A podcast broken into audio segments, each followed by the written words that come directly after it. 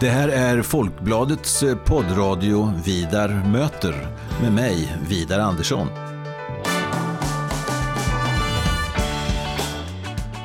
Jag är eh, chefredaktör på Folkbladet och jag är också ansvarig för Folkbladets ledarsida som eh, skrivs utifrån en oberoende socialdemokratisk hållning. Så i den här poddradion kommer jag att möta politiska personer av olika slag och vi ska ha ganska så korta och hoppas jag rappa samtal om stora och små samhällsfrågor. Varmt välkommen till Vidar möter.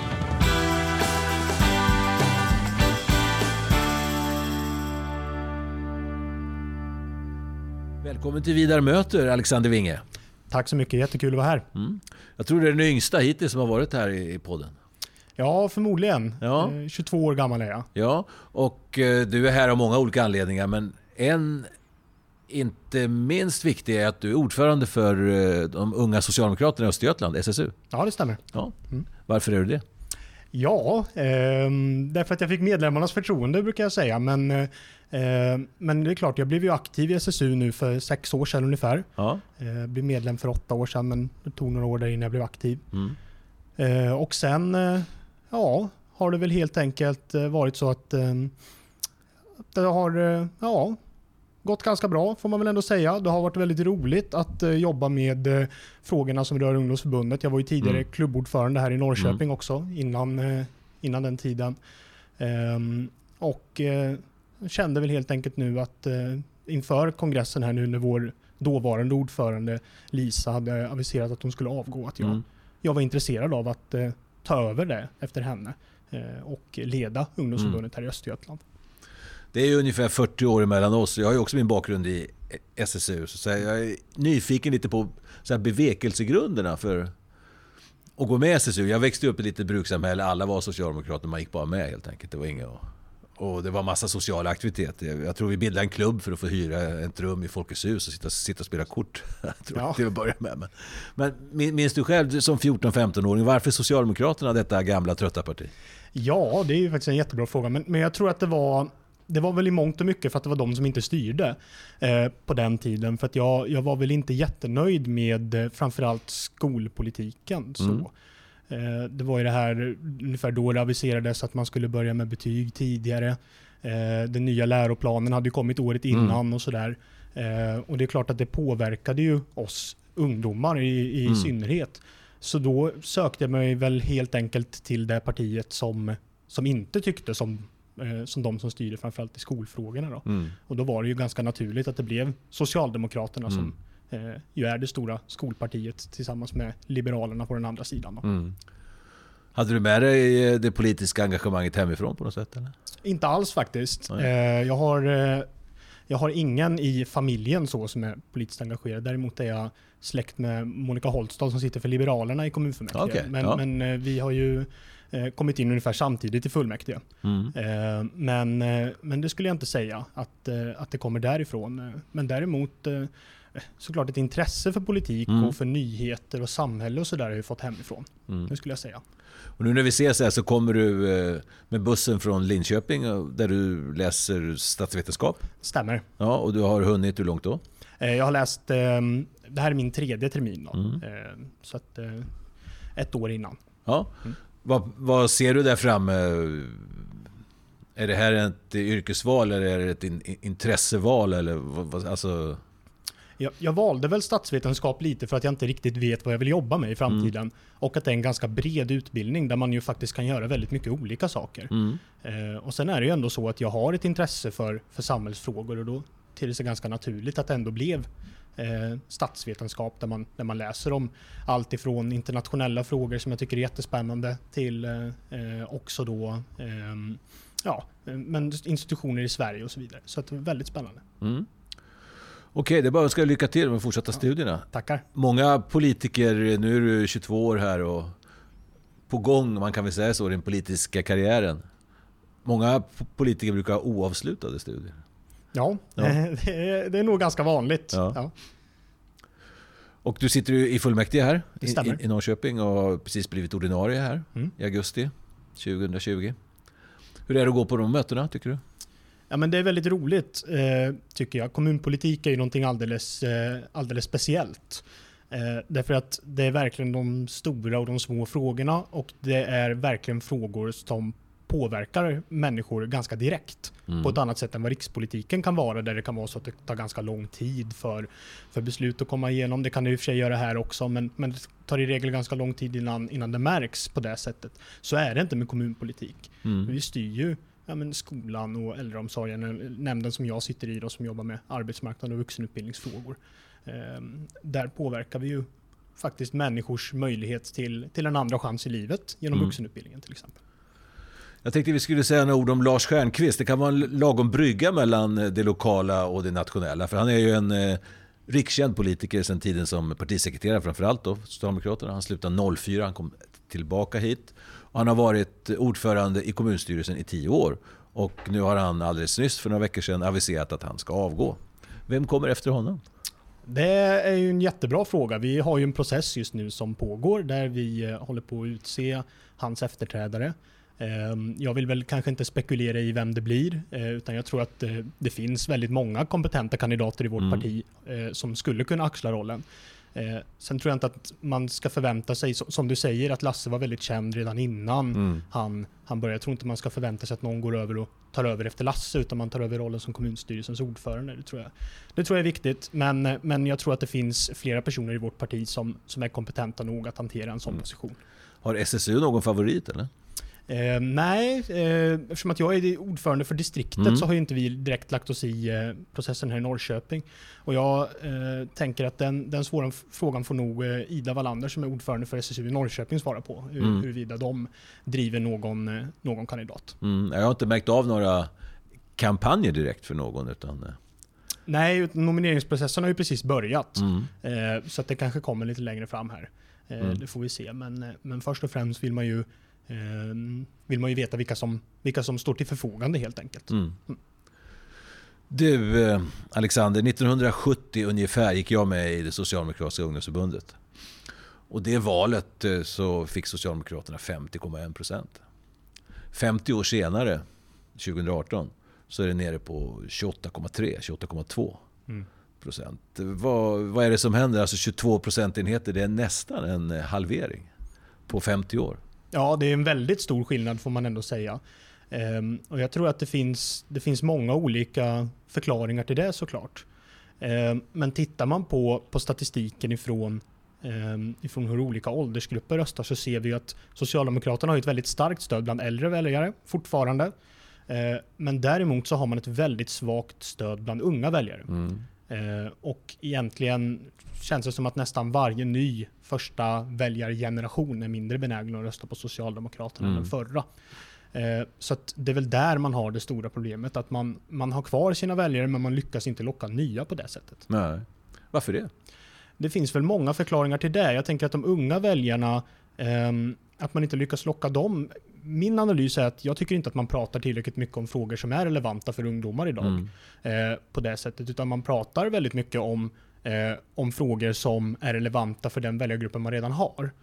Eh, sen, sen till viss del så försökte man väl ändra lite på det i valet. Bland annat så gjorde ju Stefan Löfven ett utspel om, eh, om psykisk ohälsa som ju är en, en fråga som vi här i SSU i Östergötland har drivit väldigt länge eh, och som vi vet att många ungdomar tycker är viktiga. Eh, men men det känns som att man kanske ser på Socialdemokraterna som ett litet gammalt parti med, med äldre företrädare och sådär. Mm. Man ser inte, inte de unga på det sättet. Mm.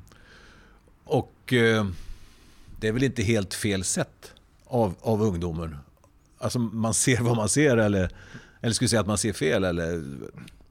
Ja, alltså det är väl klart att det, det, det ligger väl på, på partiet eftersom att man är eh, alldeles för dåliga på, man har väldigt bra politik för ungdomar, ska jag säga. Men mm. man är alldeles för dålig på att kommunicera den. Eh, det är där problemet egentligen ligger. Mm. Eh, sen eh, har man ju också, någonting som jag tror är ett misstag är att man i stort sett har gett bort klimatfrågan till Miljöpartiet och har väldigt lite kommunikation i den själv. Mm. Eh, därför att eh, mycket, av dem, mycket av den politik som regeringen har, har genomfört har ju varit väldigt Eh, i mitt tycke ganska Stockholmscentrerad, eh, vilket eh, känns som att det är ett återkommande tema i Miljöpartiets klimatpolitik, miljö och klimatpolitiken där. Ehm, och Socialdemokraterna behöver ta ett större ansvar för att miljö och klimatfrågan är den överlägset viktigaste frågan för ungdomar idag. Mm. Om man kollar på eh, till exempel eh, en generationsrapport som finns på, från ett undersökningsinstitut som heter Ungdomsbarometern. Mm. Eh, men där, den debatten är inte vi med i. Mm. Och där tror jag att vi förlorar jättemycket. Mm. Så Socialdemokraterna måste börja prata om hur man, eh, ja en klassmedveten klimatpolitik tror jag, där, där det faktiskt är de som släpper ut mycket som också ska betala för utsläppen och inte vanligt folk. Mm. För det går ju inte så vidare värst för Miljöpartiet heller får man ju säga, alltså som klimatparti i så fall, om detta är en stor och viktig fråga, vilket det ju är. Mm. Men eh, eh man ligger ju nu, jag såg den, den sista snittet där under året är 4,4 procent. Alltså man har ingen fallhöjd alls alltså för nästa riksdagsval. Just nu i varje fall. Mm. Så det verkar vara... Eh, men det kan ju vara yngre ungdomar som inte tillfrågas i opinionsundersökningarna. Mm. Som håller de här frågorna. Ja, ja, men precis. Just den här är mellan 15 och 25 tror jag, mm, mm. åldersgrupperna. Men där tror jag att eh, siffran låg på, på 55 procent av dem som svarade uppgav att det är en av deras viktigaste mm. politiska frågor. Mm. Eh, så att det, det, är klart att det finns ett brett stöd. Sen, sen kanske det är så att man, man, man eh, inte bara röstar på den frågan utan att man, man röstar på någon form av helhetspaket sen. Mm. Men, eh, men, men, jag tycker ändå att, att kommunicerar inte vi i klimatfrågan då kommer ju, kommer ju till slut folk tro att vi inte har någon klimatpolitik, mm. vilket vi ju har. Mm. Det som har varit styrkan i socialdemokratin är som jag ser det att det har varit en bred koalition. Det är man ju om man har 45-50%. Man har kunnat ja, egentligen vilka uppfattningar som helst. Bara man liksom har röstat och hållit ihop och inte huggit knivar i ryggen på varandra. Hjälpt varandra mm. när det har behövts. Så här, men i takt med att partiet blir mindre så ändras väl det där? Eller det kanske kraven ökar på att man ska vara mer specifik eller eh, driva mer bestämda uppfattningar om saker och ting? Eller vad tror du? Ja, det, det, tror jag väl inte. Utan vi är fortfarande ett väldigt, alltså det är en väldigt bredd av åsikter även inom eh, mm. Även här inom SSU i Östergötland får man säga. Ja, okay, ja. Eh, och eh, det tycker jag mest är väldigt kul. Ja. För det vore ju otroligt tråkigt om vi alla tyckte samma sak mm, mm. och bara blev någon form av ryggdunkarklubb. Mm. Eh, utan att vi tycker olika, det är ju en styrka för att det är ju så socialdemokratin har utvecklat sin mm. politik Eh, och jag tror att det även är vägen framåt. Mm. Eh, så att eh, jag ser det som, som en styrka och jag skulle ändå säga att jag tycker fortfarande att vi har en väldigt stor bredd av åsikter inom, mm. inom S och mm. inom SSU. Det låter hoppfullt. Mm. Det låter, för en gammal socialdemokrat faktiskt. För styrkan och bredden inom socialdemokratin har, har ju faktiskt funnits där. Så att man inte har uteslutit någon för att den har sagt någonting. Eller, utan ja, mm. en förstående attityd. Och man, man, har försökt hålla ihop, hålla, hålla uppe bredden. Mm. Men det är klart, det är ju skillnad på 50% och 28%. Ja, och nu, definitivt. Ja, ja, visst. Och det går ju neråt så sakta. Mm. Och det är det jag tänkte vi skulle ta några minuter om här. Nu sitter ju eh, Socialdemokraterna här i ett januariavtal. Mm. Vad tycker du om det? Um, ja, jag ser det väl som någon form av nödvändigt ont kanske. Mm. Um, det är klart att det var ju det enda sättet som, uh, som man kunde, kunde på något sätt få igenom, få igenom sin politik och behålla makten, vilket ju faktiskt är viktigt. Mm. Uh, jag tycker oftast det är lite konstigt att man, man pratar om partier som maktgalna och att uh, man nästan ser ner på partier mm. för att de vill ha makt. För det måste väl vara målet för varje politiskt parti mm. att få ja, makt visst. och inflytande. Så att eh, eh, någonstans så förstår jag att det gjordes. Eh, det finns mycket bra socialdemokratisk politik i januariavtalet som tyvärr inte har kommit ut så mycket i media därför att eh, ja, man har helt enkelt tyckt att det var viktigare att skriva om, eh, om mm. de sakerna som Socialdemokraterna fick kompromissa om. Men sen är det ju såklart så att det är en kompromiss och jag som socialdemokrat tycker kanske inte det är jättekul att sitta och sänka skatten till exempel. Mm. Um, eller, uh, eller de andra typerna av reformer som försämringar i anställningsskyddet och sådär. Um, men men partistyrelsen gjorde ju den här avvägningen att, att man behövde helt enkelt göra på det här sättet för att få till en regering mm. överhuvudtaget i Sverige. Mm. För att det såg ju, tog ju väldigt lång tid senast. Mm. Men handen på hjärtat, kan det vara så mycket annorlunda? alternativen i, i, så fall det är att försöka få till en regering med Moderaterna. Eller försöka få in Sverigedemokraterna i sitt regeringsunderlag. Till exempel då, ingen av de frågorna känns aktuella. Så det blir en liberal sväng här. Ja, det blir det väl lite. Eh, och sen det, precis det vi har pratat om nu, alltså vi eh, måste någonstans inse att vi är inte ett 45-50% parti längre. Mm. Eh, och då är det så tyvärr att man måste kompromissa om frågor. Mm. Eh, ibland gör det ont, eh, som med många frågor i det här fallet. Eh, och, och sen Sen tycker jag kanske att, att, att, det känns lite som att man gick in med ingången att här ska det smärta. Mm. Eh, och det kanske man inte kan göra om man ska fortsätta samarbeta även framöver. Mm. Eh, men, eh, men det är klart att det, kom, det kommer sannolikt att vara så här mm. en tid framöver. Att vi kommer att behöva samarbeta för att kunna, mm. kunna sitta i regering och hålla makten. Ja, är det inte rent av så Alexander att det vi ser nu det är liksom början på framtiden? Om man inte tror på en en jätteåterkomst för röstandelar som, eh, från fornstora dagar för Socialdemokraterna. Men vad, vad pekar på det? Menar, det är en väldig partikonkurrens. Och under den här, här perioden nu där vi socialdemokrater har tappat ungefär 17-18 procentenheter mm. så har det kommit in ett nytt parti som har 17-18 procentenheter ungefär, eller kanske mer rent av. Och det är, det är egentligen det som har hänt. Eftersom de andra partierna guppar upp och ner de mm. sista hundra åren. De har går vare sig spikrakt upp hela tiden eller spikrakt ner, utan de guppar där. Mm. Och, eh, så det är vi. Och Sverigedemokraterna, det är liksom det som har hänt. Mm. Ja, men, men ungefär. Det finns väl några partier som har gått upp till höga siffror och sen eh, trillat ja, ner igen. Ja, ja, visst. Jo, men eh, så här. Ja. Minst, vi går ju så här sedan 70-talet. Alltså, förlåt, nu pekar jag med ja. handen åt Alexander. Jag, jag, pekar alltså att det går neråt sedan 1970. Det är ju väl beforskat, det är så det ser ut. Precis, det är väl 94 som är undantaget. Eh, jo, men sånt kan man. Undantaget som bekräftar regeln kanske. Mm, mm. Eh, ja, men det är klart att det är så och jag tror att inom en överskådlig framtid så kommer vi inte ligga på 45-50% igen. Det tror jag inte mm. att vi att vi kan räkna med överhuvudtaget.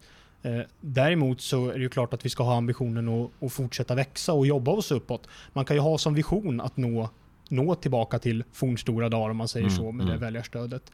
Eh, och sen sätter man målen därefter och sätter upp delmål för att nå högre väljarstöd. Jag tror mm. att det är så man måste jobba framåt för att, för att öka stödet igen. Och då är ungdomar en jätteviktig väljargrupp. Mm. Hur, hur, tänker du då som ung socialdemokrat om man eh man ser det här samarbetet framför sig. Vilka partier bör man i huvudsak försöka få till ett samarbete med? Givet också att det, det måste få mandat så att det håller i, i riksdagen eller att man i vart fall kan regera. Mm. Vilka partier? Om man väljer mellan Centerpartiet och Vänsterpartiet till exempel? Ja, men I det här fallet så har vi väl förmodligen mer gemensamt med Vänsterpartiet, i alla fall när det kommer till vissa ekonomiska frågor. Eh, med, med tanke på att de också ligger på, på den vänstra planhalvan av, av den ekonomiska eh, mm. skalan så att säga. Medan Centerpartiet ju ligger ganska långt till höger om man kollar i ren ekonomisk politik. Eh, men, men, men sen är det ju så såklart att man eh, att det räcker ju inte just nu att bara samarbeta med Vänsterpartiet. Eh, eller att bara samarbeta med Miljöpartiet och Vänstern, de tidigare rödgröna partierna. Mm. Utan man behöver ju bredda samarbetet för att få till ett realistiskt regeringsalternativ. Mm. Um, och då var väl de partierna som låg närmast i hand såklart. Centerpartiet mm. och Liberalerna. Mm. Och um, då spräcktes ju, alltså vid regeringsbildningen 2019 här efter förra valet, så spräcktes ju den gamla borgerliga alliansen som hade styrt i åtta år. Mm. Och um, och två av partierna gick med Socialdemokraterna, då kan man säga, Liberalerna och Centerpartiet. Och Kristdemokraterna och Moderaterna bildade en egen grupp då kan man säga. Och eh, frågan är, vad tror du? Det är ju snart dags för val, det går ju undan här. Snart är det 2022. Mm. Och eh, vad tror du? Kommer Socialdemokraterna då att ställa upp i, ja, som en, en del i ett eh, center-vänsterblock där? Eller vad tror du? Jag tror inte att det kommer vara på samma sätt som det var till exempel inför valet 2010 där man ju väldigt tydligt gick till val som de rödgröna partierna. Mm. Utan jag tror snarare att det kommer vara så, så som det har varit de senaste valen. Att man går till val som eget parti eh, men sen är man öppen för olika regeringsalternativ mm. eh, efter valet. Då, givet att vi inte samarbetar med våra värsta politiska motståndare i regel. Mm. Eh, men, men, men, det är klart att jag tror, jag tror att det är det bästa sättet att göra det på. Eh, därför att blockpolitiken, eh, där man har de här fasta blocken, den är inte bra för Sverige mm. på, på, på så sätt. För att det, det, blir, det blir låsningar. Jämför man med till exempel våra grannländer, kanske framförallt Finland, där nästan alla partier samarbetar med varandra. Mm. Eh, så är det betydligt lättare att få till en regering där än vad det är här. Ja, nästan alla sitter ju i regeringen. Ja, ja det är väl fem ja. partier någonting som sitter ihop. Eh, så att eh, det är klart att, eh, att i och med att den tidigare blockpolitiken bröts upp så finns det ju större möjligheter nu att gå till val som eget parti. Mm och helt enkelt eh, eh, jobba med det valresultatet som väljarna ger oss att jobba med och jobba med de mandaten vi får i riksdagen för att bilda eh, en stabil regering. Mm. Men klart, vilka alternativ finns? Vad skulle du säga? Jag menar, so saker och ting kan ändras naturligtvis, men vilka alternativ finns egentligen till det vi ser nu? Ja, det, just, just för tillfället känns det ju inte som att det finns eh, så många liknande alternativ. Eh, eller så många andra alternativ. Utan det har ju varit eh, såklart av de tidigare rödgröna partierna som kanske inte har varit ett block på det sättet men ändå eh, sedan 2010 men ändå samarbetat tillsammans. Eh, även om man inte har haft gemensamma möten och varit lika sammansvetsade och sådär som, som eh, Alliansen har varit mm. Eh, på, på den andra kanten. Men, men det är ju ett, ett samarbete som, som såklart ligger högt upp Mm. Eh, om, om vi ska hitta andra partier att samarbeta med. Och i övrigt så är det nog det här samarbetet som, som känns som ett realistiskt alternativ. Mm. Eh, givet vilka partier som idag sitter i mm. riksdagen. Vilka är då Socialdemokraternas eh, värsta politiska motståndare som du ser det?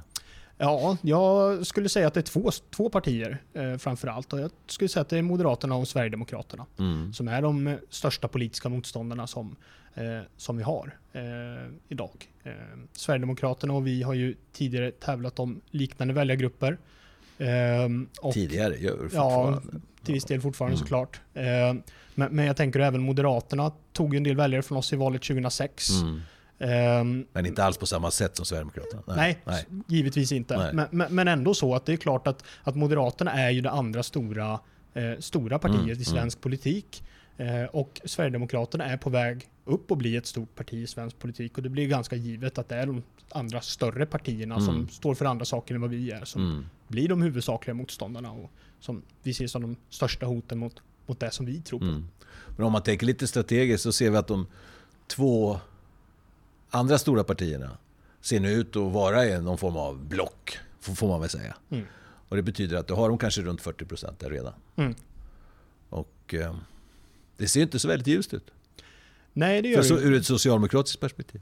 Nej, det är klart. Sen, sen är det ju så att, eh, eh, att det verkar ju, om man kollar på mätningarna nu så verkar det vara lite fram och tillbaka om det är, mm. eh, om det, är det så kallade konservativa blocket då, som, eh, som, som man har valt att kalla det, eller eh, januaripartierna som, som har majoritet. Och mycket mm. hänger ju på om Centerpartiet och Liberal, eller förlåt, Centerpartiet, Liberalerna och Miljöpartiet skulle jag säga, eh, mm. sitter kvar i riksdagen mm. eller inte. Just eftersom att de ju dansar kring spärren där mellan 3 mm. och 4 procent ungefär.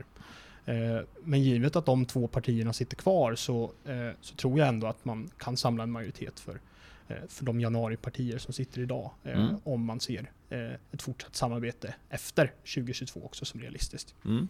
Intressant att höra och den som tror så inför den närmaste politiska framtiden här är Alexander Winge som är ordförande för SSU, det socialdemokratiska ungdomsförbundet i Östergötland och som har gästat Vidar möter idag. Stort tack för det Alexander.